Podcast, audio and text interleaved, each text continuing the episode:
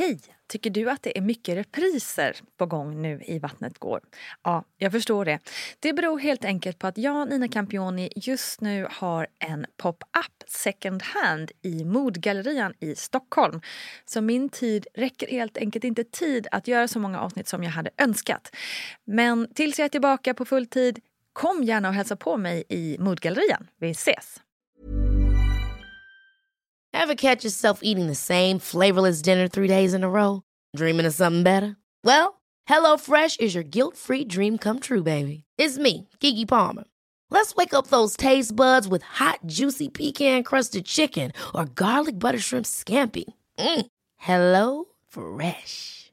Stop dreaming of all the delicious possibilities and dig in at HelloFresh.com. Let's get this dinner party started.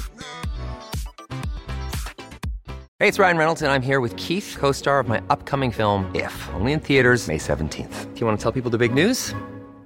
All right, I'll do it. Sign up now and you'll get unlimited for $15 a month in six months of Paramount Plus Essential Plan on us. Mintmobile.com slash switch. Upfront payment of $45 equivalent to $15 per month. Unlimited over 40 gigabytes per month. Face lower speeds. Videos at 480p. Active Mint customers by 531.24 get six months of Paramount Plus Essential Plan. Auto renews after six months. Offer ends May 31st, 2024. Separate Paramount Plus registration required. Terms and conditions apply if rated PG. A lot can happen in three years. Like a chatbot may be your new best friend. But what won't change? Needing health insurance. United Healthcare Tri-Term Medical Plans, underwritten by Golden Rule Insurance Company, offer flexible, budget-friendly coverage that lasts nearly three years in some states. Learn more at uh1.com. Quality sleep is essential. That's why the Sleep Number Smart Bed is designed for your ever-evolving sleep needs. Need a bed that's firmer or softer on either side? Helps you sleep at a comfortable temperature? Sleep Number Smart Beds let you individualize your comfort so you sleep better together. JD Power ranks Sleep Number number 1 in customer satisfaction with mattresses purchased in-store. And now, save 50% on the Sleep Number limited edition Smart Bed for a limited time. For JD Power 2023 award information, visit jdpower.com/awards. Only at a Sleep Number store or sleepnumber.com. man, man behöver ju bara så show up och bara hej jag är gravid. Och sen finns det Mm. liksom en autobahn som kommer att ta hand om dig. Så här, ja, men du kommer Mm. hit, du kommer göra dina koller så här ofta och sen hjälper vi dig och, och signa upp på ett sjukhus. Alltså, det finns ju som en hel eh, organisation som tar vid när man är gravid i Sverige. Men här är det ju liksom, man får ju ta reda på allting själv. Hej, hej, hallå, välkommen bästa du till Gravidpodden Vattnet går. Så kul att ha dig här, Campioni. Och det är jag som grundade den här podden för cirka sex år sedan. Shit alltså, tiden går. Många kvinnors berättelser har vi hört genom åren. Både kända och minikända kvinnor har öppnat sina inre för oss på ett oerhört vackert och givmilt vis. Också många lyssnare har varit med i podden faktiskt. Och nu ska vi åka hela vägen till Phoenix i USA för att höra en av poddens lyssnare. Nämligen Maria Linde som är psykolik förlossning att delge oss. Vi pratar också om tvivlet kring föräldraskapet och den förändring som sker i livet när man får barn. Med oss har vi också barnmorskan Gudrun Abascal. Nu drar vi mot USA. Här kommer Maria Linde. Jag vet ju att du inte alls var speciellt sugen på barn hur, hur gick dina tankar, du och din partners tankar där? Ja, egentligen hade vi nog landat i att vi inte skulle ha barn. Och inte för att vi inte egentligen ville ha barn utan mera livsstilen. Alltså. Det, vi tyckte inte att det passade in i vår livsstil att ha barn. Men även, det var ju först egentligen när jag träffade Jonas som jag överhuvudtaget då, då öppnade jag ändå upp för det. Liksom. Och jag, tänkte, jag kände bara direkt, liksom, eller inte direkt men efter en tid att gud vilken bra pappa han skulle vara. Och gud vad det skulle vara fint att liksom få ha han som pappa till mina barn. Jag hade aldrig ens överhuvudtaget känt någon dragningskraft till barn innan det.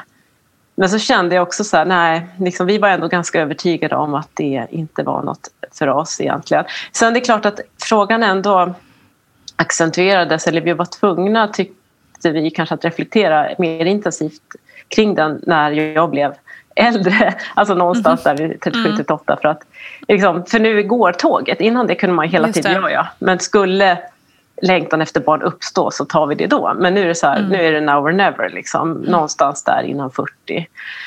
Eh, så då intensifierade vi i alla fall diskussionen. Men vi kom hela tiden tillbaka till att nej, liksom. Och också så här, för att vi tänker inte riktigt så här, som många tänker, ja men jag kanske ångrar mig sen, utan vi utgår ganska mycket från hur känns det här och nu. Vi Ja, tänkte inte så strategiskt, men så vet man ju vissa som gör att okej, okay, jag kanske Mm, inte mm. känner för det här nu, men, men jag kanske kommer ångra mig sen. Mm. Ehm, och även som jag samtidigt, det var, det var ambivalent, för jag samtidigt vet så här, gör vi det så kommer vi inte ångra oss. Alltså det säger ju alla. Ja, och det, det. är det ju Ja, precis. generellt, man ångrar ju inte det man har gjort, man ångrar i regel det man inte har gjort. Men Mm. ja, vi hade väl egentligen ändå landat, vi landade hela tiden tillbaka till att nej, det, det passar inte oss. Vad var det liksom i, alltså, i livsstilen som ni ville leva som inte riktigt kändes barnkompatibelt eller vad man ska säga?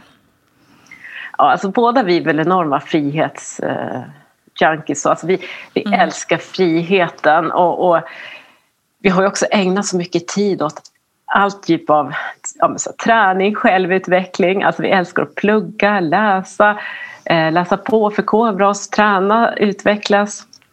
Både liksom kroppsligt och emotionellt och sådär. Och, eh, och, och så resa. Nu är det corona så nu så kanske man har glömt att man reste förut. Men resa och vet, lära sig nya saker, nya kulturer. Så det var väl det vi kände att, att eh, vi hade en livsstil som var ska det finnas utrymme för ett. Jag kan ju säga att det där med böcker, det, sen man fick barn, för fanka mig jag fått kämpa för att få in läsningen i mitt liv igen. Alltså. Ja. Så jag, förstår, att ni hade liksom, tankar kring det, helt klart. Ja. Herregud. Vad hände sen då? För sen plötsligt var du gravid. Ja men precis. Jag blev ju då oplanerat gravid och det är sånt att man kan provocera folk eh, som har svårt att få barn. Så det har jag all respekt för. Men det var så det, så det blev. Och jag kommer inte exakt ihåg för jag, jag var faktiskt på en resa, jag var på en kurs i Montenegro. Så jag hade någon form av blödning där som jag trodde var min menstruation för den var ungefär där jag skulle ha mens. Ehm, men den var väldigt kort så jag tänkte på det, vad kort den var. Men så var jag inte så jättenoggrann för jag badade så otroligt mycket så jag hade inte jättebra koll. Men jag tänkte på det. Men sen vet jag inte vad det var. Men det var väl några sammanlagda intuitiva processer där som vi båda liksom blev misstänksamma sen när jag kom hem. Att kan det vara så? så att vi gjorde ju graviditetstestet och vi blev ju så chockade alltså. För att det är så som kvinnor, alla vi kan ju relatera till hur många gånger har man inte trott i sitt liv att man är gravid liksom. Mm. Framförallt när man var yngre och det var liksom det, det farligaste som skulle hända, typ att man skulle vara gravid. Så att, eh, nej men man har haft så många olika symptom så där, eh, som kan misstolkas. Så vi tänkte det är så osannolikt. Men så var det så. Ja, det blev en sån otrolig chock för oss. Alltså, det var ju... Ehm, Ja, det blev en riktig kris för oss. För att vi tar inte lätt nämligen på det här med livet. Och, alltså, båda jag och Jonas har väldigt stark respekt för livet. Jag tycker inte att man ska liksom ta lättvindigt på det och på abort och sådär. Så det, eh, det kändes inte bra. Så det kändes inte bra hur vem skulle göra helt enkelt. Så det var, det var väldigt tufft. Men vi landade ganska snabbt i att nej, men det här, vi måste göra abort. Det var liksom... Mm. Och då befann vi oss i Sverige på besök över sommaren, för vi bor i USA. Så att jag, ja, sommartid också, bokade bort och sådär. Ringde till massa olika kliniker. Så får man ju betala det själv då förstås när man är utskriven. Så att det var liksom en process att hitta en snabb tid och sådär. Men vi bokade ganska snabbt en tid. Jag tänkte att det här kan nog dröja innan man får en tid. Och Mm. vi var helt inställda på det. Men det är klart att vi ändå varje dag liksom reflekterade. För och emot, för och emot. Pratade med några kompisar gjorde vi. Men sen fick jag bara en sån där intuitiv, så här, vi ska prata med, det är en kompis som vi har som heter Kajsa. Vi ska prata med Kajsa, hon är en klok person. Och eh, för ärlighetens namn så var det väl så att i alla fall i mig så fanns det ganska direkt, det var ganska intressant. Alltså min kropp ville egentligen ha det här barnet. Det var som att anknytningsprocessen började direkt. Jag min kropp var glad. Alltså jag var glad för det här barnet och kände sån lycka och kärlekskänsla direkt. Men mitt huvud hade panik och bara alltså, alltså var så här, det här är det, här är det värsta som kan ske. Alltså det var liksom så himla... Men min man kände ju nästan bara det här huvudet. Va? Liksom, för han kände inte i kroppen så han kunde ju vara Nej, mycket är mer rationell. Liksom, att nej, men vi måste, det är det enda rätta och så vidare. Men så i alla fall när vi pratade med den här Kajsa då, som hon heter, så hon fick ju oss att förstå att det här, de här, det här är verkligen vad ni behöver. Liksom. Alltså så här, ni är så uppe i era huvuden nu. Alltså lyssna mer till kroppen och till intuitionen och släpp tankarna. Liksom. Det här är så otroligt mycket rädslor och era tankar. Det här är ju kanske, om man tänker lite mer livsfilosofiskt, det här är vad livet vill med er. Mm, alltså det här det. är vart livet vill ta er. Och vi, vi gillar ju att tänka liksom vare sig att man, man vet om det är så eller inte. Alltså tänka att det finns någonting större än oss själva. Mm. Alltså vi är inte religiösa eller så men, men liksom att det, ja, men det är uppenbart att det finns något om man bara tänker på hur många planeter det finns på jorden, att det finns fler planeter än sandkorn så är det liksom det är, det är lite naivt att tänka att vi fullt ut styr. Liksom, Precis, det är nästan liv. orimligt känner jag emellanåt. Ja, mm. och då, då, då liksom bara efter det där så vände det framförallt för Jonas. Jag hade redan, jag var så inställd på den här aborten hade börjat förbereda mig mentalt för hur jag skulle klara av det och sådär. Så, um, men då, Jonas bara, vi kör liksom. Så då, då vände ja. det där. Det var, det var väldigt speciellt. Heja Kajsa! Det var skräckblandad förtjusning. Ja, heja Kajsa. Ja, hon är, det vet hon. Vi är väldigt tacksamma för henne. Ja, det förstår jag. Får jag fråga innan vi går vidare. Vad kostar det att göra en abort eh, om man får betala själv? Vet du oh, jag kommer inte ihåg, men kanske att det var 5-7 tusen eller något sånt där. Mm. Är Då är det en, en medicinsk abort. Skulle du göra en kirurgisk så är det nog betydligt dyrare. Mm, just det. Alltså i Sverige nu då, utan försäkring. Ja, Här vet precis. jag faktiskt ja. inte. Mm. Jag hade ja, behövt göra intressant. det i Sverige för jag hade inte, det hade varit för sent om jag hade åkt tillbaka till USA. Ja, just det.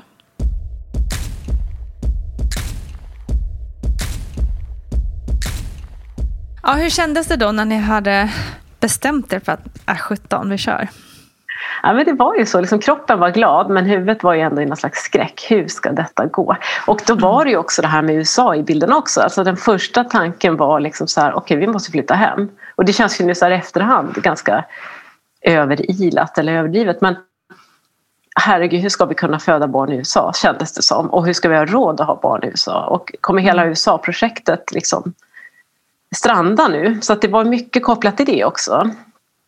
Men vi hade ju ändå bokat resa tillbaka. Vi hade ju jobb här, vi hade ju bostad och grejer så att vi liksom reste ju tillbaka. Och, och sen när vi kom tillbaka så, så började vi ändå ta reda på massa information och då föll saker och ting på sin plats. Och det visade sig att det kommer ju säkert gå alldeles utmärkt att föda barn här. Och, och Folk har barn där också. ja men precis. ja. Eh, ja. Nej, men det var en hel del att sätta sig in Jag hade inte hunnit teckna sjukförsäkring och då, ja, ja du vet vårdsystemet här är en enorm apparat. Alltså, ja, då, ja, ja. då har man så pre-existing conditions så då får man inte teckna någon sjukförsäkring. Men inom Obamacare så får man teckna för de kan inte neka personer pre-existing conditions. Så, inom det. så det var väldigt många variabler att ta reda på.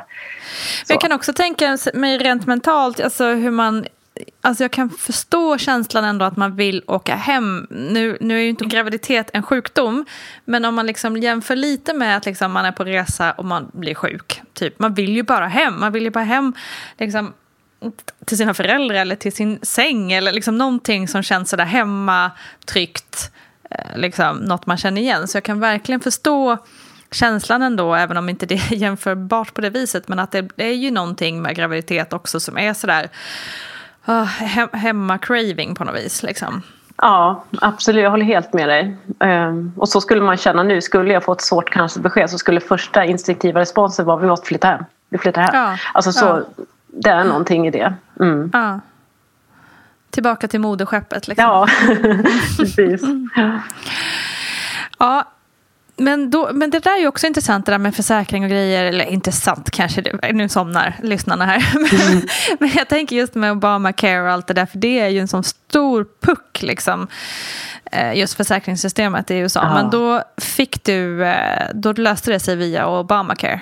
Ja, det gjorde det, men jag menar ändå. Alltså det, är liksom, det är dyra försäkringar, man, som mm. man betalar en avgift per månad. Och sen hade vi out of pocket på 65 svenska tusen. Då, så att allt under 65. Vad, vad innebär det? Vad sa du? Ja, så att alla kostnader upp till 65 000 får du betala själv för din förlossning. Jaha, oh, och sen så är det mm. ändå att alla saker efter det, det är inte så att det täcks rakt av utan det här är en liksom var, varje liten grej då, har du fått epidural? Har vi sytt dig? Hur många stygn? Mm. Vad har vi använt för andra mm. metoder? Så får man sen sitta och liksom det där kan ta lång tid efter att, att försäkringsbolag ska bestämma hur stor del av de här kostnaderna mm. kommer vi betala, hur stor del ska du betala. Och det är så absurt att ha det här med i beräkningen när man är gravid, att man ska behöva tänka på vad har vi råd med och liksom, inget mm. får gå snett, det fanns ju hela tiden med mig, inget får gå snett för att liksom då blir det dyrt. Alltså så här, självklart så ja liksom, men gud, alltså den där mardrömmen har man ju hört några gånger när man liksom får hamna på neonatal i månader. Ja. Då blir man ju ruinerad. Liksom. Ja. Nej, men det, det, är så, det är så hemskt att man ska behöva med de aspekterna. Och en annan grej, i Sverige behöver ju bara så här, typ ringa 117. Nej, men alla vet väl vart man går till mödra barnhälsovård. Men liksom, man, man behöver ju bara så show up och bara hej jag är gravid. Och sen finns det mm. liksom en autobahn som kommer att ta hand om dig. Så här, ja men du kommer mm. hit, du kommer göra dina koller så här ofta och sen hjälper vi dig och, och signa upp på ett sjukhus. Alltså, det finns ju som en hel organisation som tar vid när man är gravid i Sverige. Men här är det ju liksom, man får ju ta reda på allting själv. Alltså så här, mm. var, ska, var ska jag vända mig nu? Liksom? Och vad gör man det? Och vad gör man ett ultraljud? Och, ja, så det var ju jättemycket att sätta sig in i. liksom, mm. Som är också så här, det, man uppskattar det svenska systemet väldigt mycket i alla fall. Ja, Ja, men speciellt under en sån tid när man är ganska skör. Och det, är mycket, ja, det är mycket som händer i ens kropp och i ens liksom, mentala tillstånd också. Um, mm. Fanken, hålla på och krångla med sånt då. Liksom. Mm. Men hur mådde du då? Nej, men jag, alltså på det stora hela har jag haft en jättebra graviditet måste jag säga. Alltså jag tyckte det var jättehäftigt och härligt att vara gravid måste jag säga. Det var magiskt. Alltså jag älskade det här, det här sällskapet man hade. Att man, hade, mm. att man var eftersom jag har jobbat väldigt mycket med så yoga och meditation och det här att vara närvarande i sin kropp så hjälpte ju att vara gravid verkligen att vara, man kunde ju inte dissociera från sin kropp för att man, det var ju någonting som pågick i sin kropp hela mm. tiden. Mm. Så jag, jag, tyckte det var väldigt mysigt att ha sällskap och närhet, att man hade liksom en kommunikation eller så där, med barnet hela tiden. Så det var häftigt tycker jag. Men i början mådde jag ju väldigt illa. Mm. Eh, och det höll i sig länge för mig och det var faktiskt väldigt jobbigt. Alltså jag, det höll i sig till vecka 18 för mig. Det började lätta efter vecka 18 och jag hade ställt in mig ganska mycket på det här vecka 12. Att, men då brukar det lätta för många. Så att det var så jäkla tufft när det bara... Då kände jag att jag kommer vara en sån här som mår illa hela mm. graviditeten. Och jag tycker mm. det här graviditetsillamåendet, det färgade liksom. Är det något som färgar? Jag menar smärta färgar. Jag har ju tack och lov inte upplevt mycket smärta i mitt liv. Alltså så här, huvudvärk eller annan typ av smärta. Men det är verkligen, kan jag tänka så här, ha migrän måste ju vara något som verkligen liksom... Mm. Ah, på, det är liksom svårt att existera på ett bra sätt. Och, och jag, men jag tycker illamående också, det färgade verkligen alltid tillvaron. Och eftersom jag var så himla så här, vad är det jag gett mig in på? Alltså jag hade nästan bara mörka bilder av att få barn. Ja. Det låter ju kanske absurt men liksom jag kände bara så här, shit vad har jag gett mig in på? Vad ska det här bli? Jag hade bara så här, om, om x antal månader kommer det här mörkret att hitta mig. Så jag kände mig bara sjuk. Liksom. Jag minns mm. att någon kompis sa så här, men liksom, tänk på allt positivt du liksom, när barnet kommer sen. Liksom, du måste ha den målbilden, den här positiva. Men jag hade så svårt att se den här målbilden som positiv. Mm. Nu i efterhand, alltså jag skulle otroligt gärna på det sättet jättegärna vara gravid igen och få veta så här, nu vet jag ju vad det är för fantastiskt som kommer. Men mm. då visste jag inte det. Så det jag tyckte det var mm jag kände mig nästan bara sjuk. Liksom. Det mm. syndes inte. Jag är ganska så nätt och smal. Så det tog jättelång tid innan den syndes. Och så bara det där, den här tröttheten och det här illamåendet som gjorde en så här... Man tappade ju lusten för allt. Typ. Alltså det mm. färgar verkligen. Lägg, lägger sordin på stämningen. Så det tyckte jag mm. ändå var ganska tufft. Men när det väl släppte då, då var det jättehärligt tycker jag. Då var det liksom... Släppte någonsin de här liksom tankarna? Började du liksom, under graviditeten, började du någonstans se det positivt eller kom det efteråt? Nej, det kom nog efteråt egentligen. Ja. jag visste ju intellektuellt, liksom, alltså jag förstod så jag kommer ju älska mitt barn och jag, jag kommer liksom tycka, jag förstod intellektuellt att jag kommer mm. också ha massa glädje men jag kunde nästan bara se liksom det här mm. Alltså minusposterna och det var en enorm liksom sorgeprocess jag gick igenom väldigt mycket liksom sorg när jag var gravid. Jag liksom sa thanks and goodbye till mitt gamla liv. Och, liksom jag gick, och det var högt och lågt. Det, var, mm. det svåra var väl den här friheten, att jag kommer behöva ge upp min frihet liksom, på väldigt ja, över, överskådlig tid. Liksom. Och jag, det var högt och lågt, men det var också så här, shit, jag kan aldrig mer åka första klass SJ tyst avdelning. Så jag, så här, jag älskar det, att sitta där tyst. Jag, bara, jag kommer ju aldrig kunna åka. Det är så, nu är jag en av de här som stör andra passagerare för jag kommer stör med mitt barn.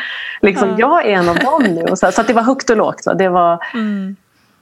Men mest var väl den här friheten och det här ansvaret. Alltså, för det är väl också beror på vilken ambitionsnivå man har men liksom vi, vi känner ju enorm respekt och ansvar, det är väl många föräldrar förstås, alltså så här, över att ta sig an ett nytt liv. Alltså, det är ingen mm. uppgift vi tar lätt på.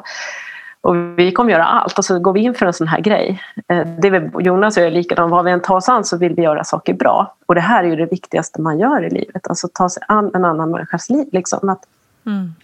Sen så är de ju ett eget liv. Men jag menar, och det är klart att det är massa faktorer som påverkar hur ett barn kommer må och hur det går för ett barn. Det är ju verkligen inte man ska inte tro att man är allsmäktig men, men man är ju väldigt betydelsefull som vårdnadshavare. Såklart. Och, eh, alltså jag såg det som ett ganska stort ok liksom, sådär, och Mm. diffust. Vad kommer det här innebära och vad kommer det framförallt innebära att jag inte kan göra? Vad kommer liksom Mm. vara slut? Vad kommer vara? Så det här är sista gången jag gör det, det här är sista gången jag gör det. Och sådär. Tänk att det ändå finns ett liv efter barn. Ja men det finns ju ett liv. Det gör ju verkligen Jag det. Men det Men jag förstår precis vad du menar. Ja, och exakt. sen var ju jag jag- bara. det som jag sen när jag väl fick barn blev varse om det var ju så oj, att jag kunde uppgradera det här som man får. Alltså shit, då Mm, just kunde det. jag förstå att man får ju något som är så enormt. Men det var Mm. svårt. Och, Nej, men det är ju, även om man inte har liksom de eh, starka känslorna som du hade så har det ju, är det ju extremt svårt med första barnet att förs- förstå. Även om man känner allt det här som du berättade, att man känner i magen, man har någon med sig, man kan känna kärlek. Men vad sjutton är det? Alltså det är ju, det är ju jättesvårt, det är otroligt abstrakt. Liksom. ja, det är väldigt abstrakt.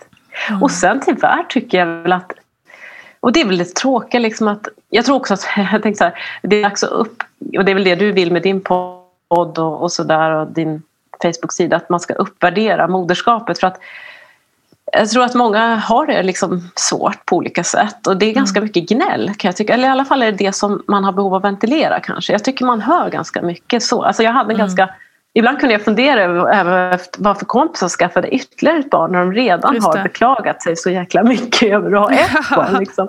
Så att det var väl också det att jag hade inte hört så där jättemånga positiva berättelser sorgligt nog och mycket så här väntar du bara och Mm. passa på att sova nu för sen när barnet kommer vet du, då blir det inte något sova av eller liksom vad det nu kunde vara. Alltså det var mycket Ja, nej, jag håller helt med. Det är väldigt tråkigt att det sällan pratas om hur kul det är att ha barn.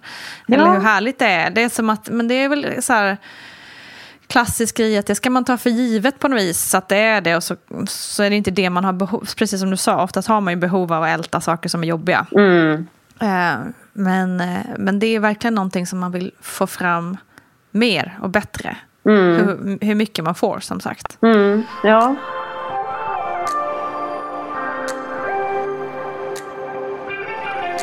Men du berättar lite om hur, liksom, hur dina tankar gick på förlossning och hur, hur du gjorde för att välja för ett, liksom, klinik eller sjukhus eller hur det var. För att det är ju också en process som är lite annorlunda.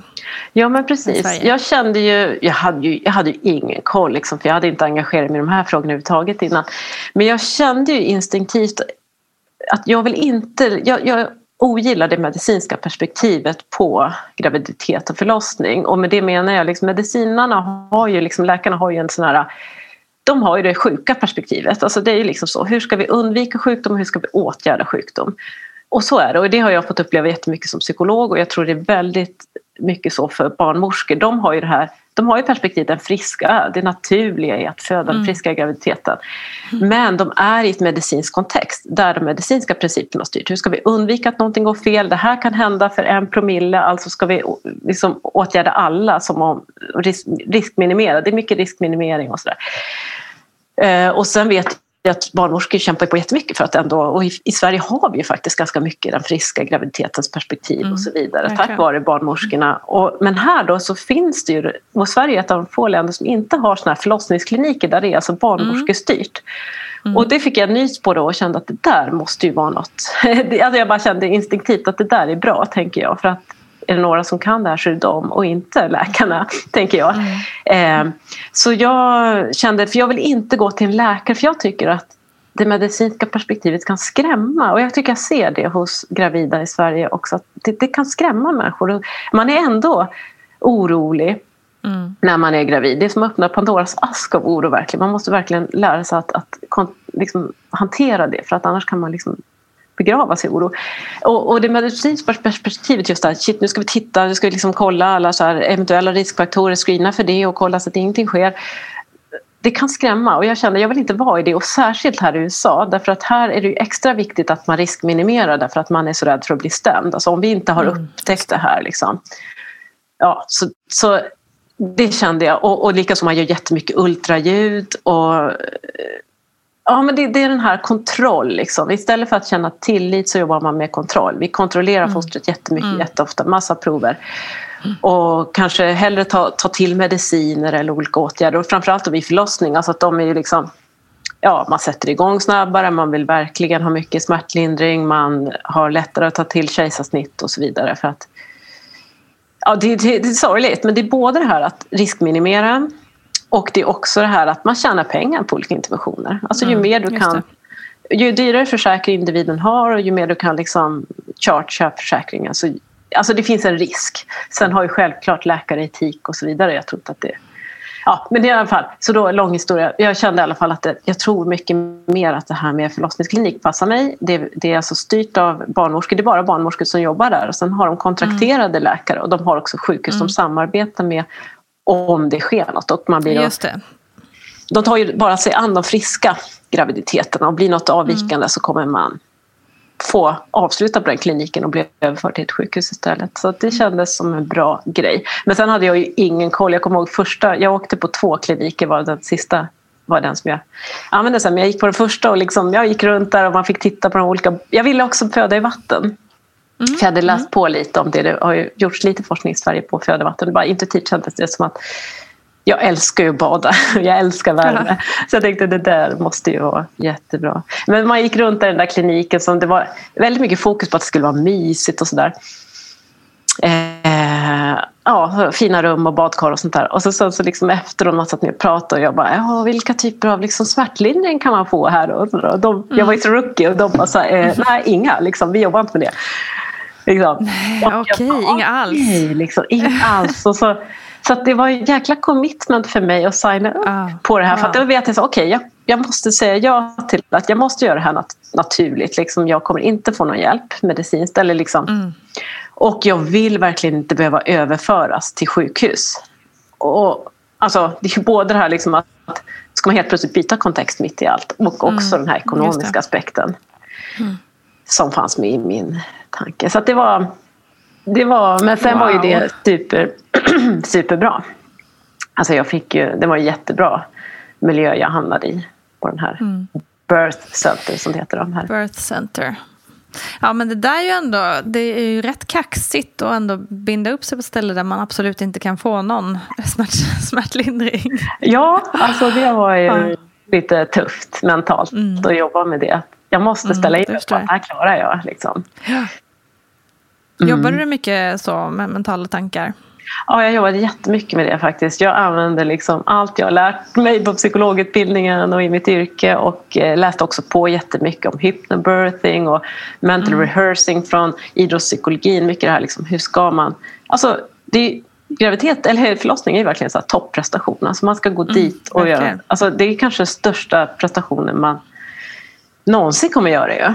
Alltså inget går ju att mätas mot det. Så jag, jag jobbade otroligt mycket med liksom, hur kan man sätta sitt bra emotionellt och mentalt tillstånd och förbereda sig. Och det var så himla klokt tycker jag på den här kliniken. De jobbar ju helt klart annorlunda om jag jämför med, med Sverige.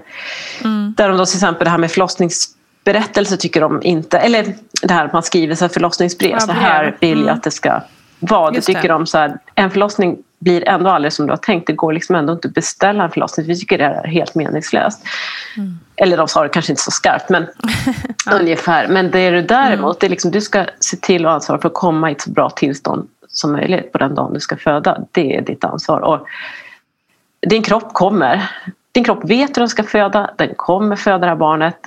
Och det handlar för dig att följa med i den här processen. Liksom. Följa med på den här vågen. Och, det tycker jag var ett klokt sätt. Men liksom så här, ditt jobb är att förbereda dig så mycket du bara kan. Och, och just också, de pratar väldigt mycket, alltså från den dagen att du blir gravid så är, jobbar din livmoder liksom, på att förbereda sig för förlossning.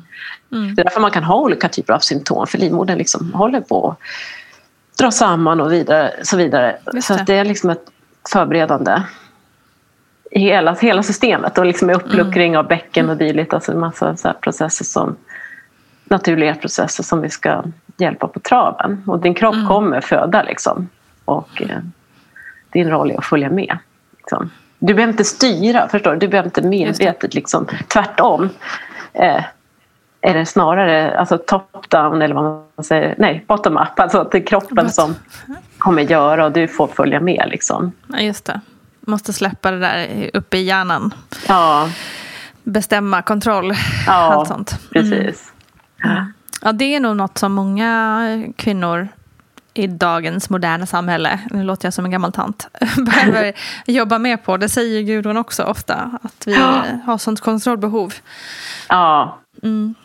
Och det jobbar de jättemycket med här och det var ganska intressant. De liksom, även så här, till exempel att ja, men om det var något så här, man tog något prov, kanske ja, med sockervärde och sådär. Ja, om, om jag uttryckte någon sån fråga, så här, men om det skulle visa sig då att jag har högt socker eller om det skulle visa sig att jag på slutet får högt, blod, eller högt blodtryck eller så här, Vad är det för kriterier som gör att jag kommer behöva överföras till sjukhus? Eller om jag frågade någonting mm, i den mm, riktningen. Eller vad gör vi om hon inte vänder sig rätt? Du vet, huvudet ska vända sig mm, eller, mm de var hela, det var verkligen så utsläckning. Det var, de var ganska hårda. Det var liksom inget utrymme för de här typerna. Det, de tycker liksom att du ska inte...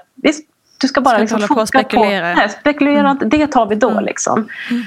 Och det var också väldigt bra. De ville liksom bara så här, alltid bara så här, bara utgå från, alltså, vad du än känner för symptom, utgå från att det är naturliga processer i kroppen. Liksom. Mm. Utgå inte från, vad är det här? Oh, känner inte igen, oh, vad kan det? Liksom fear response utan tänk hela tiden att det här är naturliga processer, min kropp håller på att förbereda sig, min kropp vet. Så det var verkligen så här mycket träning i emotionellt och mentalt att liksom bara ställa in sig på allt är bra, det kommer gå bra, allt är naturligt, det är på rätt väg. Samtidigt som de säkert måste ha haft liksom sätt att fånga upp naturligtvis, alltså eventuella avvikelser. Men de la inte särskilt mycket vikt vid det. Och det var Nej, just det. Smart. Men de hade väl, förutom då äh, smärtlindring och så, så gissar jag att de hade alla liksom, maskiner och attiraljer och grejer som behövs för en säker förlossning. Liksom. Ja, de kan monitorera barnet ja, ja. under mm. förlossning, precis. Mm. Det kan de ju. Just det. Um. Nej, men det var intressant för att jag var på ett barnmorskebesök i december. Jag födde i februari och jag var hemma över jul. Alltså, då var det ganska lång tid hemma så då tänkte jag att jag kanske bokar ett besök ändå hos en barnmorska i Sverige. Och mm. alltså bara på det besöket så blev jag så uppskrämd. Liksom. Hon skrämde mig med det här med säsongsinfluensa och liksom mm. vad det kan innebära. Och så var det så här, känner du fosterrörelser? Jag bara, jo, jo, ja. Det är väldigt viktigt att du varje dag känner fosterrörelser. Och liksom, så fort du inte känner fosterrörelser då måste du lägga dig i ett mörkt rum på vänster sida, ta något sutt eller vad det nu jag om det var vänster eller höger, jag tror det Lägga dig ner och blunda och känna efter att du känner och annars måste du ringa direkt. Liksom. Alltså, nu kanske det var hon, jag säger inte att det alltid är så men jag bara reagerade så shit jag var ju typ uppskärrad när jag kom därifrån. Jag kände mig, och lika så tyckte hon att jag var så liten. Och det var jag, jag var nätt liksom. Alltså, hon tyckte magstorleken var liksom förhållandevis liten. Det här måste du, jag tycker du ska boka ett tillväxtultraljud direkt när du kommer tillbaka till USA och sådär. Eh, det var många saker mm. och jag bara shit. Mm. Liksom. Nu hade hon jobbat mycket på förlossning så det är klart hon har säkert sett då, eh, saker när det inte har gått bra. Men ja.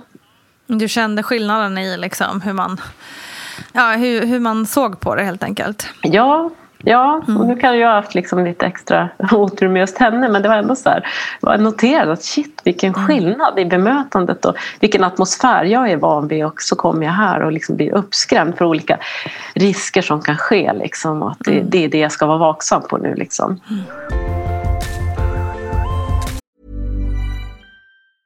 When you're ready to pop the question, the last thing you want to do is second guess the ring. At Bluenile.com you can design a one-of-a-kind ring with the ease and convenience of shopping online. Choose your diamond and setting. When you find the one, you'll get it delivered right to your door. Go to Bluenile.com and use promo code LISTEN to get $50 off your purchase of $500 or more. That's code LISTEN at Bluenile.com for $50 off your purchase.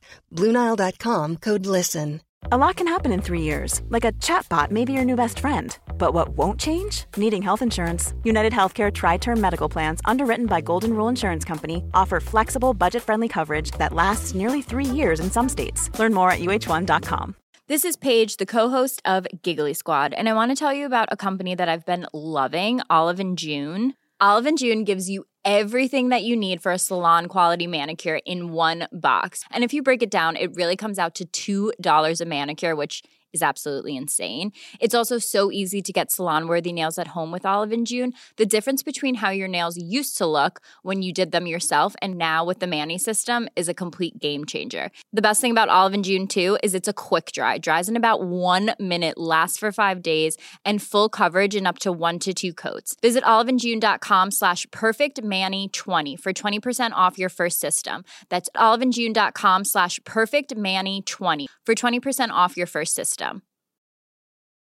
Quality sleep is essential. That's why the Sleep Number Smart Bed is designed for your ever evolving sleep needs. Need a bed that's firmer or softer on either side? Helps you sleep at a comfortable temperature? Sleep Number Smart Beds let you individualize your comfort so you sleep better together. JD Power ranks Sleep Number number 1 in customer satisfaction with mattresses purchased in-store. And now, save 50% on the Sleep Number limited edition Smart Bed for a limited time. For JD Power 2023 award information, visit jdpower.com/awards. Only at a Sleep Number store or sleepnumber.com. Hey, it's Ryan Reynolds, and I'm here with Keith, co star of my upcoming film, If, only in theaters, May 17th. Do you want to tell people the big news?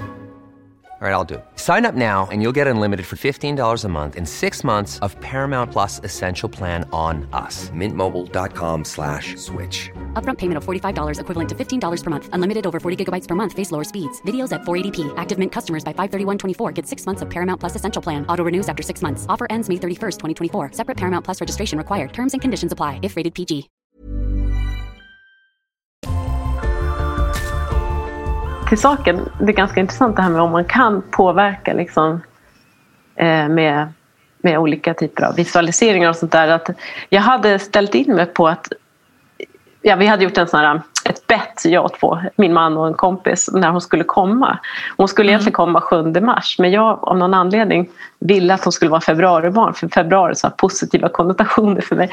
Och så hade jag tänkt så men kanske så 26 februari är ett bra datum tyckte jag. Mm. Det, det, är så konstigt men det var helt osannolikt att hon skulle komma då för normalt brukar man ju gå över tiden med första så hon skulle snarare komma mitten av mars. Liksom. Uh. Nej, men, så att, men det var alltså den dagen det blev. Det började då på kvällen 25 Nej. när jag skulle gå och lägga mig. Ja, det är ganska absurt egentligen. Och frågan är liksom, hur mycket kan man påverka med tankens kraft? Jag hade ja, inte lagt jättemycket vikt på att jag tänkte det är så osannolikt att de kommer. Men det skulle bara vara en bra... Det var en tisdag tror jag. Men början på kvällen när jag skulle gå och lägga mig så kände jag att jag liksom var kissnödig direkt. Jag kissar alltid när det är sista. Och så gick jag och la mig och så bara fan, kissnödig igen. Liksom. Går upp och sätter mig och kissar jättemycket igen. Jag tyckte det var liksom konstigt men jag tänkte, är det här vattnet? Eller? Jag var liksom osäker. Och så gick jag och la mig och så tyckte jag att jag kände som att det tryckte på som att jag var kissnödig igen. Så jag gick och hämtade handdukar och sov med handdukar i sängen. Och sen kände jag ju, ju längre natten gick att det sipprade ju. Så jag tänkte att det måste ju vara att vattnet går nu liksom. Um, men jag sa inget till min man utan jag tänkte äh, man vill inte vara så här vargen, vargen kommer, vargen kommer. Så, så jag väntade och så när jag vaknade då var det uppenbart för att då hade jag ju förlorat så mycket vätska. Liksom. Så då sa jag till honom, alltså jag tror verkligen det måste ju vara att vattnet har gått. Liksom. Mm. Så då ringde vi in till kliniken och då sa de att ja, men det är nog säkert det. Och du vet, här, lukta på det och så vidare, kolla. Det verkade bra.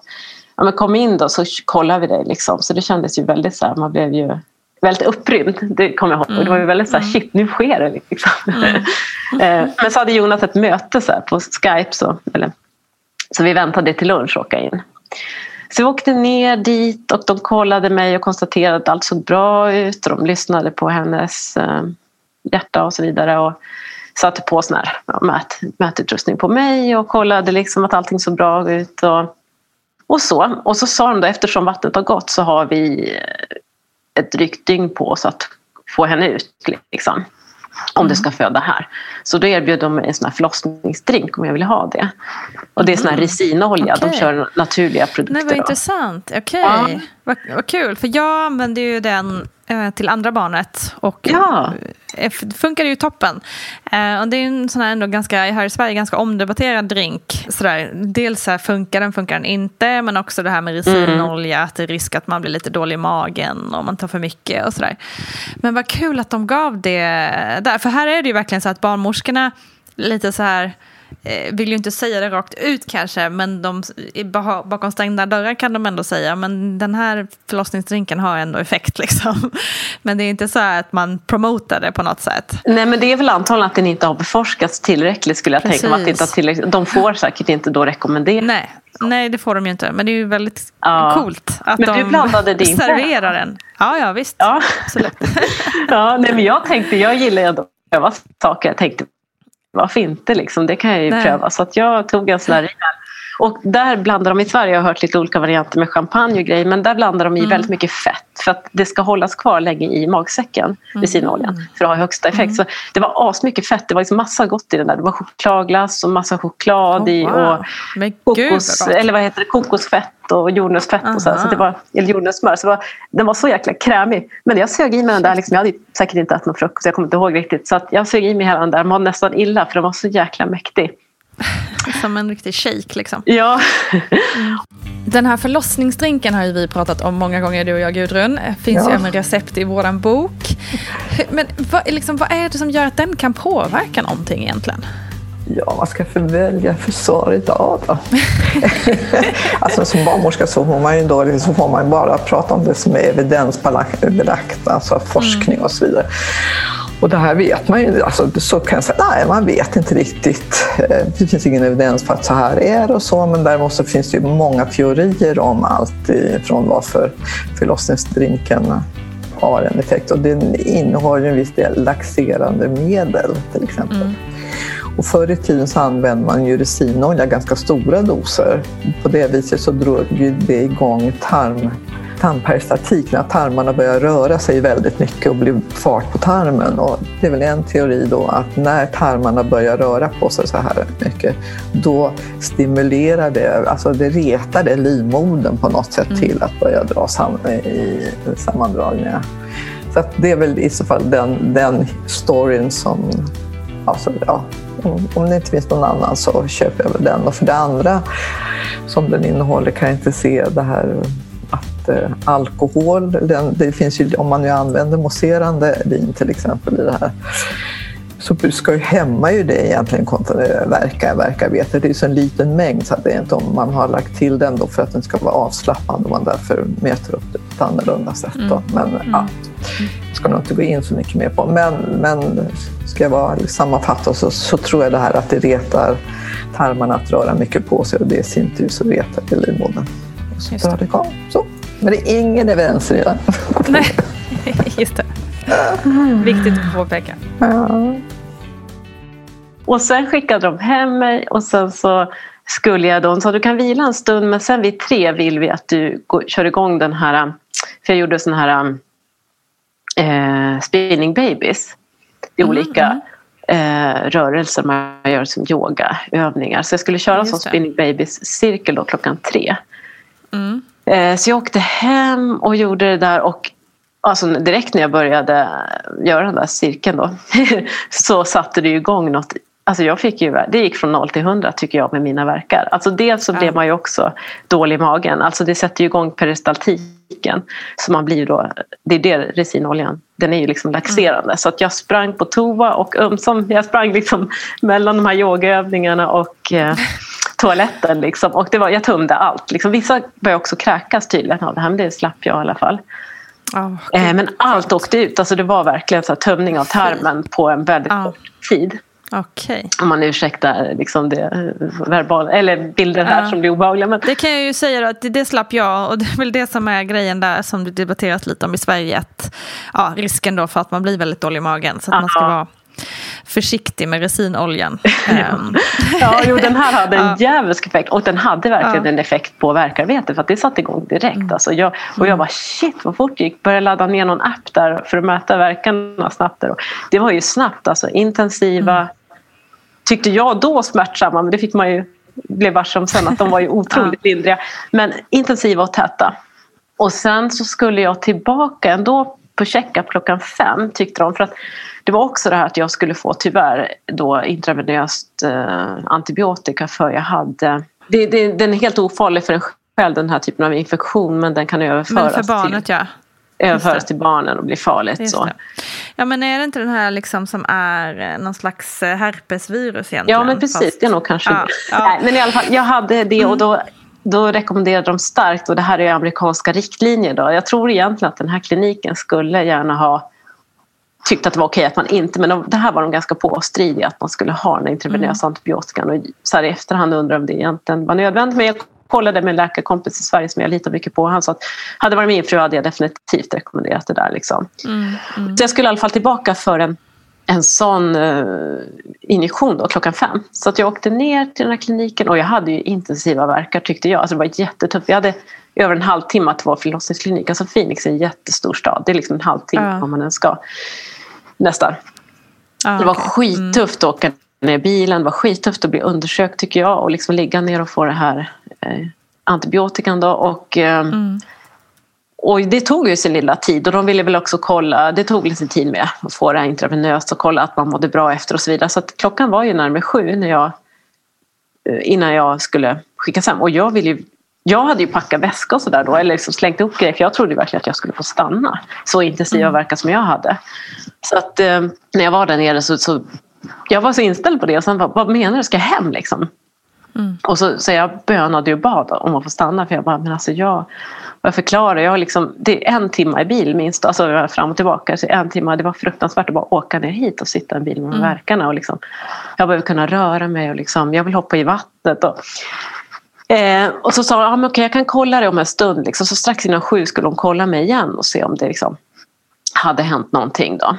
Eh, för jag hade jätteintensiva verkar. Men jag alltså var inte det minsta upp, öppnad. Och cervix var liksom inte ens fram. För, först ska den tydligen, slemproppen hade gått. Men sen ska liksom cervix flyttas fram och sen ska det börja öppnas. Så jag hade liksom inte ens påbörjat den processen. Så hon sa liksom till mig, och det var säkert en helt korrekt medicinsk bedömning. Eller vad jag ska säga, att Nej, men Maria du måste åka hem. Det här kan ta liksom över ett dygn. Du är inte öppen det minsta. Vi kan inte behålla dig här. Men jag på något sätt Åh, tufft. Ja, alltså det här som jag då som jag är så oerhört kritisk till som det är, man hör så många berättelser i Sverige, alltså varför man inte respekterar kvinnans önskan. För när man vet att trygghet är liksom A och O för en Exakt. bra förlossning. Och det här, jag gillar inte heller att man klappar folk på huvudet och säger du är tryggast i din hemmiljö. Nej, Nej, det är jag inte. Alltså, det Nej, kanske vissa nej. är, men en hel del tror jag. Nej, man känner sig trygg där det finns expertis och där man kan få stöd. Och det fanns ingen på förlossningskliniken så att det var inte så att det var överbeläggning eller någonting, det var bara jag. Det var ingen där så det fanns inga liksom, Nej, utifrån det att skicka hem. Så jag, och jag tror att jag Och just när du hade en bit att åka också, en jäkla herregud. Kunde man väl tagit det i beräkning kan man tycka. Ja, precis. precis. Och jag vill ju verkligen få det här stödet. Liksom, så. Jag kände så här, jag vill liksom få och känna att jag, ja, men jag vill inte liksom sitta i en bil på motorvägen och, och jag känner mig inte alls trygg hemma utan jag känner mig trygg här. Och, nej, det där är jag ju som sagt väldigt kritisk till. Jag kan inte förstå varför man, varför man Nej, Ja. och det känns ju lite som att det går emot. Man tänker liksom deras an... Det andra du berättat om den här kliniken känns ju så här naturligt. Alltså det känns ju som att de har verkligen i övrigt en ganska fin syn på liksom, förlossning och liksom, födande kvinnor. Ja, det gick helt emot. Alltså jag hade ju liksom, det är just det de bygger på det att man, man går ju till, det är en grupp av barnmorskor, man kan inte liksom beställa att jag ska föda just med dig. Men det, är två, det är en liten grupp och man, det är just det här, att bygga trygghet, bygga relation, att man gör alla sina kontroller där, man gör gravidyoga, man går sina kurser där. Så att man, när man står och gör gravidyoga så hör man andra som föder. Så att man ska verkligen liksom, Ah, wow. man har sett rummen innan. Det är jättemycket så här, jag jobbar jättemycket med trygghetsskapande. Så det går verkligen stick i stäv. Jag tyckte det var liksom så här helt oförklarligt. Jag blev så chockad. Och så här i efterhand så tror jag att jag var lite för svensk. Lite för både norrländsk och svensk och behärskad. Jag tror att jag hade behövt liksom, eh, slag på stora trumman och vara liksom mer demanding som Ja. amerikaner är. Men hur som haver, när hon sa sådär liksom, att det här kan ta över ett dygn Maria. Så ja, jag får liksom packa ihop mig själv och åka bil. Men det var, det var, det var väldigt knäckande. Men jag minns att min, min man sa liksom, men Maria du, alltså, du är ytterst ensam i det här. Alltså, och det är ju någonting i det att du, liksom, han, han, han är ganska tuff. Sådär.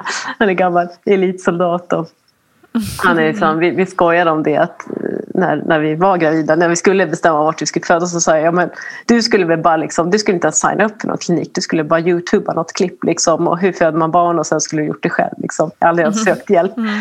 Men det var, det var sant, alltså, jag kom till någon slags så här, okej okay, jag måste klara det här själv. Alltså att Mm. det är ytterst jag som kommer föda det här barnet. Alltså jag, det var något inom mig som gav upp den här jag tycker jag gick från att vara liksom tjej till kvinna där. Alltså jag blev liksom, det kom någon urkraft i mig. Att, någon liksom djurisk kraft att jag, det här är upp till mig och jag måste klara det själv. Jag kan inte förlita mig på någon annan i det här. Mm. Så vi åkte hem och det, jag kom ju knappt upp, ut i bilen, upp för trappan. Och liksom, men vi hoppade rakt in i badkaret i alla fall. Och sen också det här, vi hade ganska nyss flyttat in i den här lägenheten och så amerikanska standard. Liksom. Dels hade vi inte prövat badkaret och då visade det sig att den där jäkla proppen höll ju inte tätt. Så min man höll på att springa och försöka göra någon här plastpåsekonstruktion så att liksom hålla så jag skulle få något form av badkar. Och där tog ju varmvattnet slut jättefort. Så jag frös. Vi satte väl på värmen stackare. jag frös och jag hade så fruktansvärt ont. Och min man höll på att koka vatten på plattor och sprang fram och tillbaka. Så jag hade knappt honom för han höll på att liksom försöka logistiken där med vatten. Ah. Ibland hade jag ju alldeles för hett och ibland det alldeles för kallt. Och så det här som jag hade då verkligen ja, försökt jobba med att jag ska vara i varmt och skönt vatten. Liksom, vatten ska, för jag kände ju att vattnet lindrade smärtan oerhört mycket. Men det var ju, nej fy satan vad det var tufft alltså när jag kom hem. Det var den smärtan. Och så var det fortfarande den här peristaltiken men det är ju det här att så här efterhand sen förstod jag att det är ju det där att pushverkarna kom ju nästan direkt när jag kom i vattnet. Alltså de här sista. För jag kände det här att jag måste upp och bajsa, jag måste upp och bajsa men det var ju inte det. Men gud. Jag, jag, jag sprang liksom toan ner i badkaret, toan ner i badkaret. Och den smärtan, och, när jag, och då var det liksom då var det jäkligt tufft att hålla liksom känslorna och tankarna i styr. Att liksom ha fokus på att det här kommer gå bra. Att Alla de här teknikerna, visualiseringen, det här med att andas. Andningstekniken och säga ja och vara tung i rösten, vara tung i kroppen. Och, alltså det var så tufft för det blev ändå ganska lätt så här, shit, jag, det här kommer aldrig gå. Alltså säger hon, ska jag ha det så här i över 24 timmar? Alltså, och egentligen så nära, det var väl också det här som jag i efterhand så här, det är ju här man vill ha det här stödet. Att någon säger, nej men det är på gång. Alltså hade jag haft det. Ja, hade jag precis. sagt, nej men du är nära, jag ser huvudet. Ja, ja visst. Ja, du Du vet. kan ju se progressen liksom. Ja. Men jag tänkte att är jag alltså bara i öppningsfas? Håller jag, är det här liksom att jag håller på att öppnas de första centimetrarna? Men alltså i själva verket var det ju pushverkar jag kände, alltså de allra sista. Faken alltså. Och jag sa det till Jonas. Ja, men jag känner huvudet, huvudet på väg ut. Och sen försökte han kolla, men det var ju så här att antagligen var det, jag menar när jag var så kraftigt inne i verken, då satt jag och skottade i badkaret. Och sen när han skulle försöka kolla, men då hade väl barnet åkt in igen, eller hon åkt in igen. om du Ja, just det. Liksom. Och åker tillbaka, liksom. liksom. så här. Mm. Och han bara, ni måste hålla ut liksom. Jag bara, vi måste åka in. Jag, det var som jag sa, vi måste åka in. Hon kommer nu. Och min mamma sa, nej men du hörde ju vad hon sa. Och han vill inte bli, att vi ska bli hemskickade igen Nej. du måste härda ut, vi prövar här och sådär. Men i efterhand så, jag var ju alltså i aktivt förlossningsarbete där liksom. Jag var ju i slutfasen. Herregud. Men jag pushade i alla fall på att vi måste åka in. Och jag, Mm. nu tänker jag liksom vara bestämd. Alltså då får vi kampa i bilen utanför på parkeringen liksom. För jag åker Mm. inte hem. Eh, Så vi ringde barnmorskan och ja, hon tyckte väl inte att vi skulle komma men hon hörde väl ändå lite grann att okej det är nog ändå liksom, det har nog hänt ganska mycket sen sist. Mm. Mm. Eh, och jag stod ju där och försökte ta mig ur badkaret, försöka sätta på mig min hoodie och mjukisbyxor utan underkläder och allting. Och, eh, men så ställde jag mig på alla fyra i köket innan jag skulle liksom ta mig ner till bilen. Och, och där kände jag ju igen, men huvudet det åkte banne mig ut. Alltså, jag sa det, hon kommer nu. Liksom, jag bara skrek hon kommer nu. Men sen tror jag när jag åkte bilen så tror jag att det stannade av lite av den stressen liksom, av att hoppa in i en bil, kylan, det var, mar- det var kväll och mörkt och här i öken, det är ju varmt på dagarna men på nätterna blir det ju kallt. Så jag frös ju så jäkla mycket och, och, och in i bilen.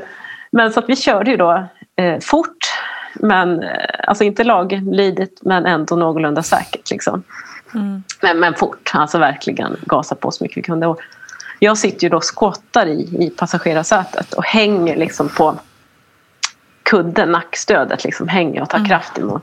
Och jag säger hela, du måste ringa liksom, midwifen och hon kommer nu. Liksom, hon kommer. Så, och, så att Jonas ringde upp så vi hade med henne på högtalaren så han försökte liksom Eh, assistera mig med en hand och köra med en hand och prata med midwifen samtidigt. Jag hade inte förmåga att prata med henne, jag var liksom inte kontaktbar. Så Jonas gav sig på så mycket han kunde men sen kände jag liksom att nej, men hon kommer nu. Så jag sa det bara, nu är huvudet ute, säger jag. Och då tittar Jonas och så ser han att halva huvudet ut. Eller jag kände ju själv också, jag liksom kände ju med handen. Och, eh, och då tänkte han liksom så här, ska, ska jag ljuga och säga att huvudet ska liksom, för att det inte är ute. Men så bara, ja det är ute liksom. Och då fick jag lite så här, men det är halvvägs ute eller något så tror jag att han upplyser mig om. Det är halvvägs ute. Och då får jag en sån här, för jag var något jag var rädd för inför förlossningen så var det här med syrebrist. Liksom. Mm, jag tycker det. det. är så jäkla hemskt. Man har gjort allt man mm. kan. Det, liksom, eh, ja, och så sen ska det liksom det är så sorgligt om ett barn är helt frisk och man själv mm. och så ska det liksom mm. ändå bli bestående skador på grund av att förlossningen mm. går så mm. lätt. Så det hade jag med mig. Då tänkte jag helt fel där, eh, som jag vet egentligen. Men jag var så här, shit huvudet får inte sitta sådär. Liksom. Jag måste ut med hela huvudet. Så att när nästa verk kom så liksom pushade jag allt vad jag bara kunde.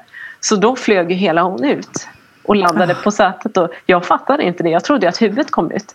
Så Jonas bara, hon är ute, hon är ute, du måste vända dig och ta upp henne. Liksom. Herregud. är det klart? Så det gick så fruktansvärt oh. fort. Alltså det var liksom oh. nästan första verken eller verkarbetet kom huvudet, halva huvudet och sen kom liksom hela hon. Så det gick ju så jäkla snabbt. ja, så att jag var, det var så, vad fan är det över nu liksom? Så här. Ja. Jag vänder mig om, där ligger hon på sätet liksom. Jag plockar upp henne och håller henne och, och, och då, då blev jag stressad. Alltså då, jag, oh. Jonas sa att jag, var, jag kände själv panik men han sa att du, du var väldigt lugn och samlad, alltså utåt i alla fall. Men då, mm. liksom, vad, vad gör jag nu? Alltså, mm. man, jag hade, det hade jag liksom inte förberett mig för naturligtvis. Alltså, Alltså, var var ni då, då? Liksom mitt på motorvägen någonstans? Vi var mitt liksom. på motorvägen ja. Och precis vid avfarten. Och kör fortfarande? Vi kör fortfarande ja. Åh oh, herregud. Alltså, in...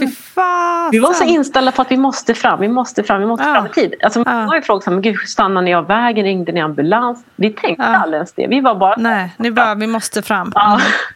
man mm. tänker inte heller, alltså det kanske hade varit bättre. Eller så här, i efterhand hade det varit bättre om jag hade stannat hemma och fött henne där på badrums, eller på köksmattan när jag mm. kände att nu mm. kommer hon. Mm. Liksom. Det hade varit bättre om vi bara hade ringt någon där och stannat hemma. Men, men i alla fall, för då fick jag liksom, hur ska man göra något för att barnet ska börja andas? Alltså, och hur vet jag om man andas och så vidare. Just det. Och barnmorskan bara, men känn på umbilical cord, känner om det är någon puls i den liksom, i navelsträngen. I navelsträngen Men det var ju så subtilt. Alltså, du vet, man har så hög arousal. Det var så jäkla svårt. Både jag och Jonas försökte känna på den där navelsträngen. Bara, Gud, jag kan inte känna något. Men Däremot kunde jag se att hon har fin färg. Hon hade mm. ett öga öppet och liksom, hon såg väldigt lugn och liksom... Mm. Ja, och, och sam, liksom bra ut. Så hon, hade ju, liksom, hon var inte blå eller något sånt där. och sen så började hon gnila lite. Och, alltså hon kom ju ut helt kolugn. Liksom. Hon skrek ju aldrig. Men hon gnidde som lite och gjorde lite ljud. Så då sa barnmorskan, jag hör henne, jag hör henne, det är lugnt. Liksom. Ah. Att föda bilen är väl kanske inget man, man eh, förordar eller hoppas att någon ska behöva gå igenom. Men om det otänkbara plötsligt händer, vad kan ändå vara bra att ha liksom i åtanke? Att, liksom att man ändå kan, kan vara bra koll på, så att säga, om man är gravid. Om vi börjar med att barnet precis föds fram och man har inte gjort någonting innan alls, utan nu föds barnet och nu är barnet fött. Då tänker jag så här, nej men då ska jag bara se till att barnet skriker. Mm. Och eh, stoppa in barnet så att barnet inte blir nedkylt. Svepa om det, jacka eller vad som man än har och sen, ja, och, och that's it tycker jag. Ja. Det är väl bra. Sedan så skulle jag väl eh, ringa till den, den förlossningsklinik som jag är på väg till och, och, och tala om att så här är, nu är barnet fött och vad ska vi göra nu och få goda råd. Och sen att om de då ordnar en ambulans eller att man gör det själv Eh, om man då, det här var i USA så är 911 då man ringer eller i Sverige 112. Men att man tar kontakt med, med vården på, så snabbt som möjligt. Mm. För ut, utifrån det så kan brukar de vara duktiga på att dirigera. Just det. Men viktigast att barnet hålls varmt och att man ja, barnet ser till att börja skrika. Ja. Och det är väl bra om man nu känner att det är barnet på väg ut så att redan då ringt upp till den här förlossningskliniken så att man har en läkare eller barnmorska i telefonen eller, och ringt mm. efter ambulans. Att man gör det så snabbt som möjligt också. Mm. Tack och lov åtminstone så finns det en studie gjord i Sverige, nu är det ett tag sedan, men i Göteborgs där man har tittat på, jag tror var 2000 barn under lång tid som hade fötts eh, fötts på väg in och där alla barn mådde bra, även mm. de som var prematurer och så vidare. Och eh, ja, det är väl ing, det är ju ingen tröst i situationen då för att den här känslan är ju säkert katastrofartat och, mm. och så. Men eh, lägg in telefonnumren så att man lätt, de är lättillgängliga. Och sen stanna bilen naturligtvis någonstans, kör av någonstans om det finns någon, någon på sidan av, liksom, någon, mm. någon plats liksom, så man står i lugn och ro. Just det. Och då blev vi väl lite smått lite lugnare men ändå, vi körde ju Alltså då hade vi kört av motorvägen och, och då, är, då är det kanske egentligen tio minuter kvar till förlossningskliniken. Mm. Och, eh, och vi kör ju, Jonas han vevar ner rutorna, han sätter på varningsblinkers och liksom och vi vinkar till passagerare för vi kör igenom korsningar, vi kör över rödljus, ah. vi kör över i motsatt ah. körriktning. För jag, jag matar på Jonas bara, du kör, kör i andra riktningen. Man blir liksom ah. så här Ja, vi körde inte lagligt men folk var så himla, de fattade att det var något allvarligt. Mm. Liksom. Mm. Eh, så, det gjorde de. Men jag... Ja. Yes, det, var, alltså. Det var en jäkla liksom, stress där på slutet var det faktiskt. Eh. Mm. Men vi kom ju fram till förlossningskliniken och där står hon redo med en sån här uh, wheelchair, vad heter det? Eh. Rullstol. Rullstol. Men jag, liksom, jag var så himla, då var jag så här, då hade jag lugnat ner mig och det kändes som att men det alltid är bra med henne och sådär. Så att jag, hon hjälper mig att ta av mig byxorna och sådär. Så att jag går ju alltså ut och jag har en hoodie som jag öppnat upp så att hon är skin to skin. Helt naken mm. då går jag liksom, med blodet droppar, navelsträngen hänger och jag går in till den här förlossningskliniken. Äh, liksom. vilken krigare alltså. och hon bara efter till, jag såg inte ens den där rullstolen. Jag var så fokuserad Nej. på att komma in i värmen och liksom. Så hon gick efter till med rullstolen så här. Och så, Ja, men sen när jag väl kom in då, då, då var det ju ett jättebra omhändertagande tycker jag. Då var de verkligen ja, så här... Det är woman power ändå. Ja. ja.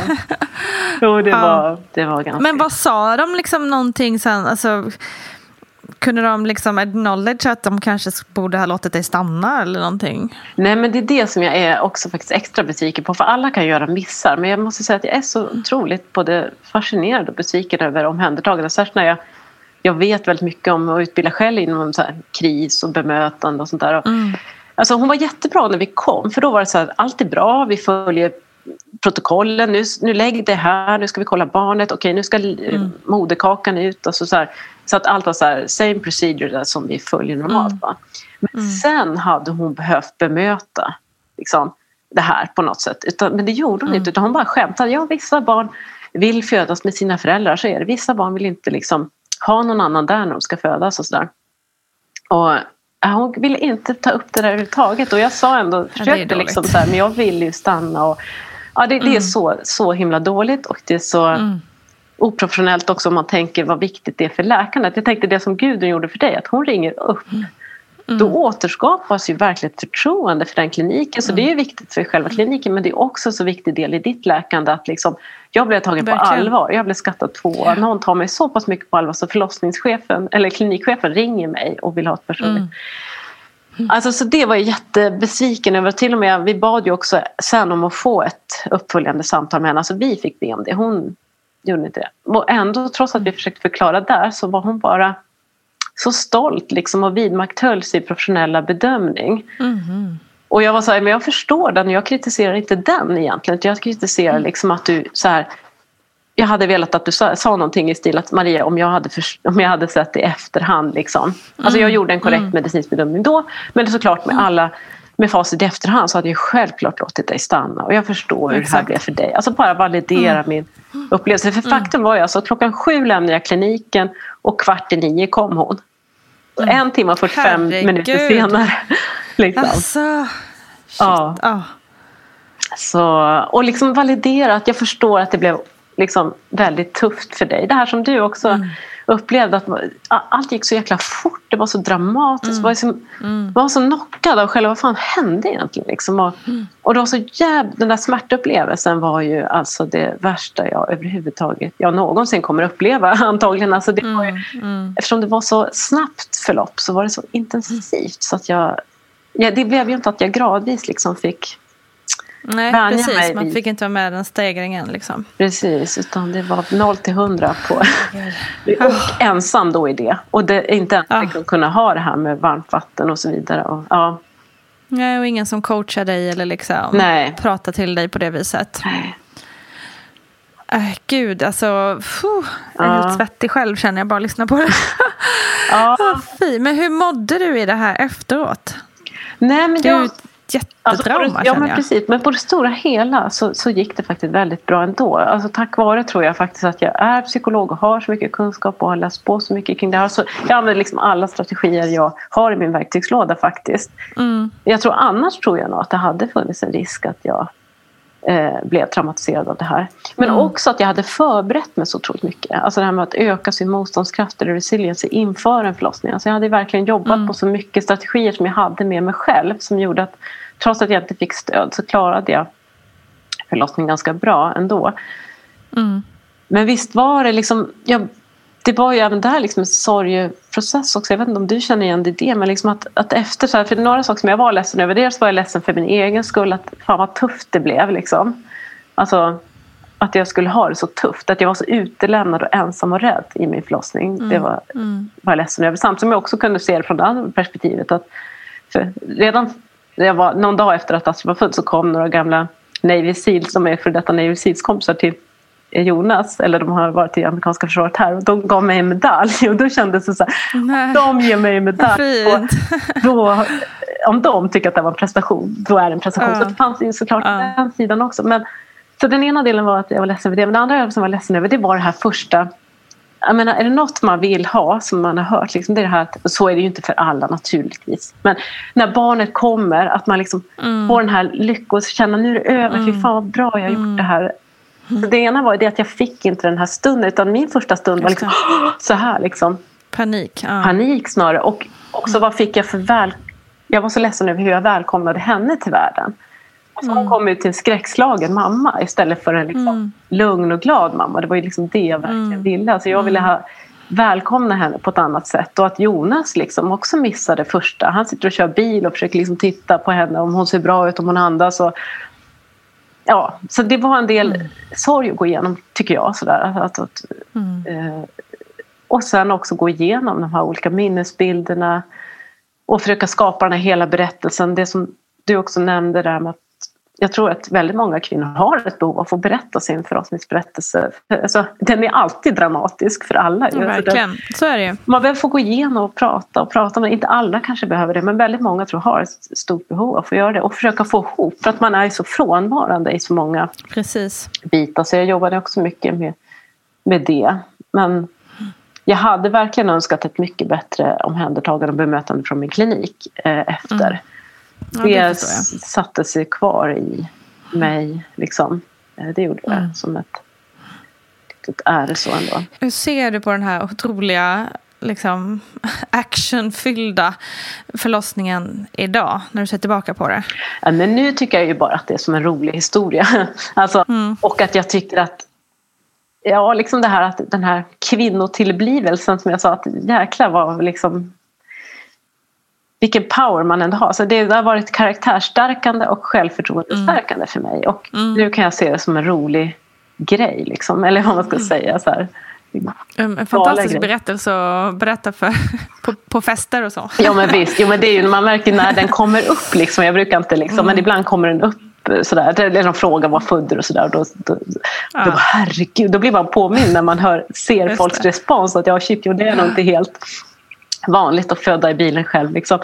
Och Nej, men eh, Usch, ja, nej fy, det låter fruktansvärt men eh, skönt ändå att man kan komma över det också, att det gick bra framför allt. Eh, Det är otroligt skönt att höra.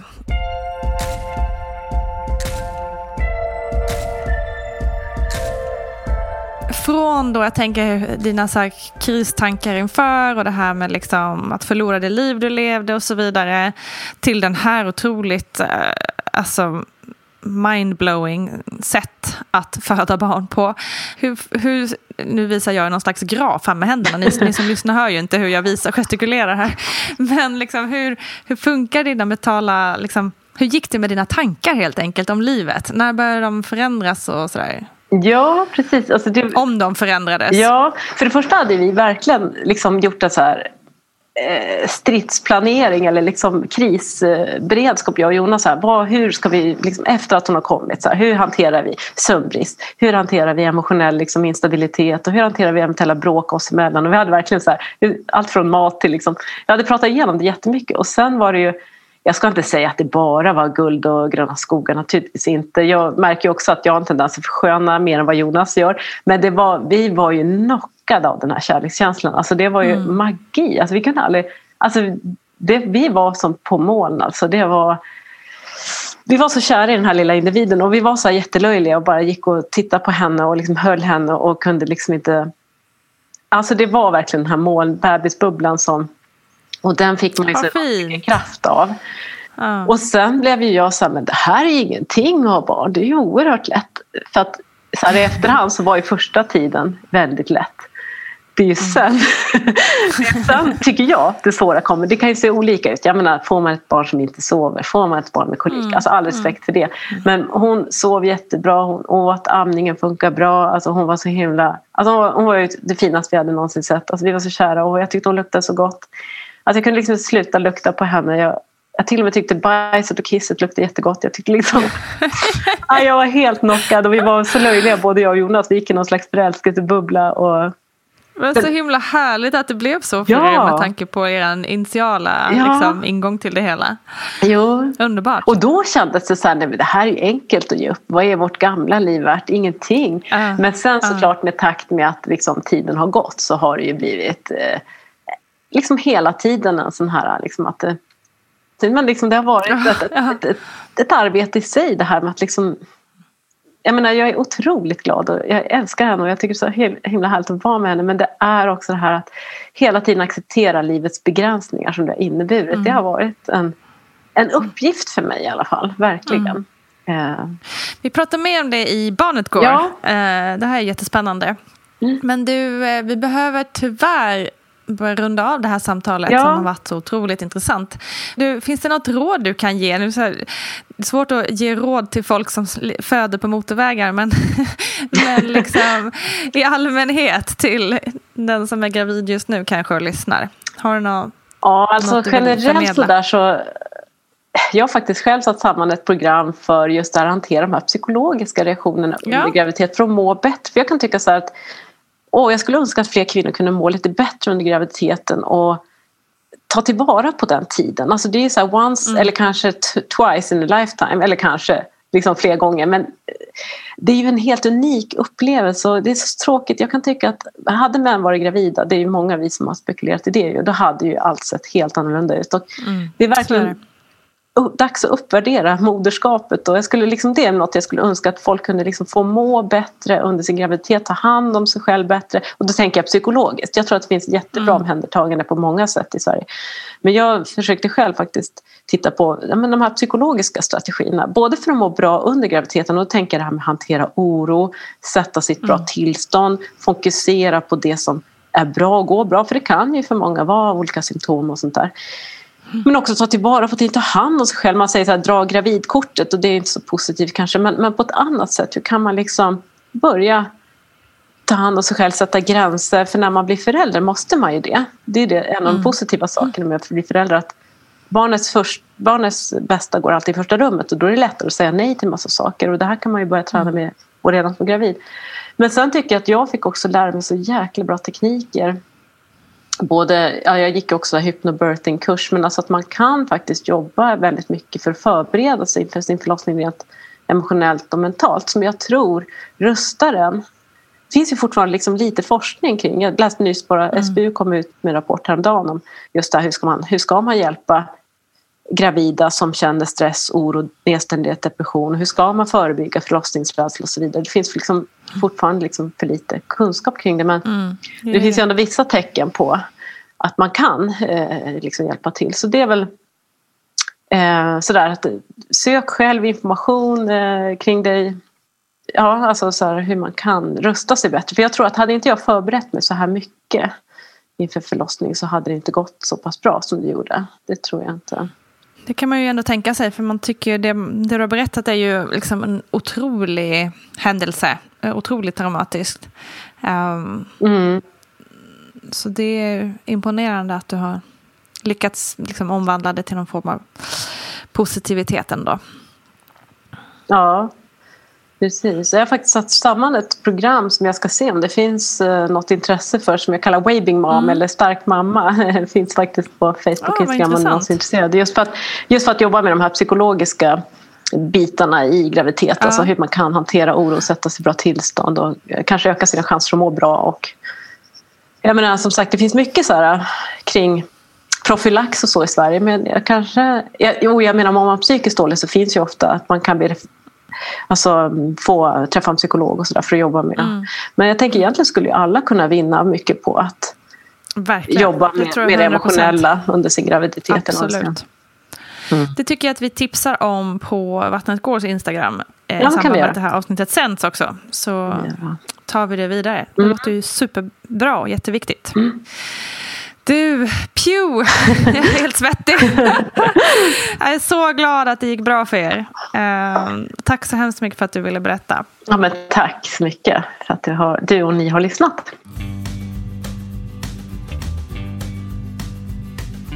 Tusen tack Maria Linde Puh. Wow, alltså föda på en highway i USA. Jesus Amalia säger jag bara. Tur att det gick bra till slut.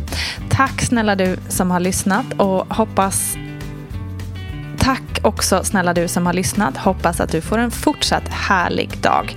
Välkommen också till mammagruppen på Facebook så hörs vi snart. Kram!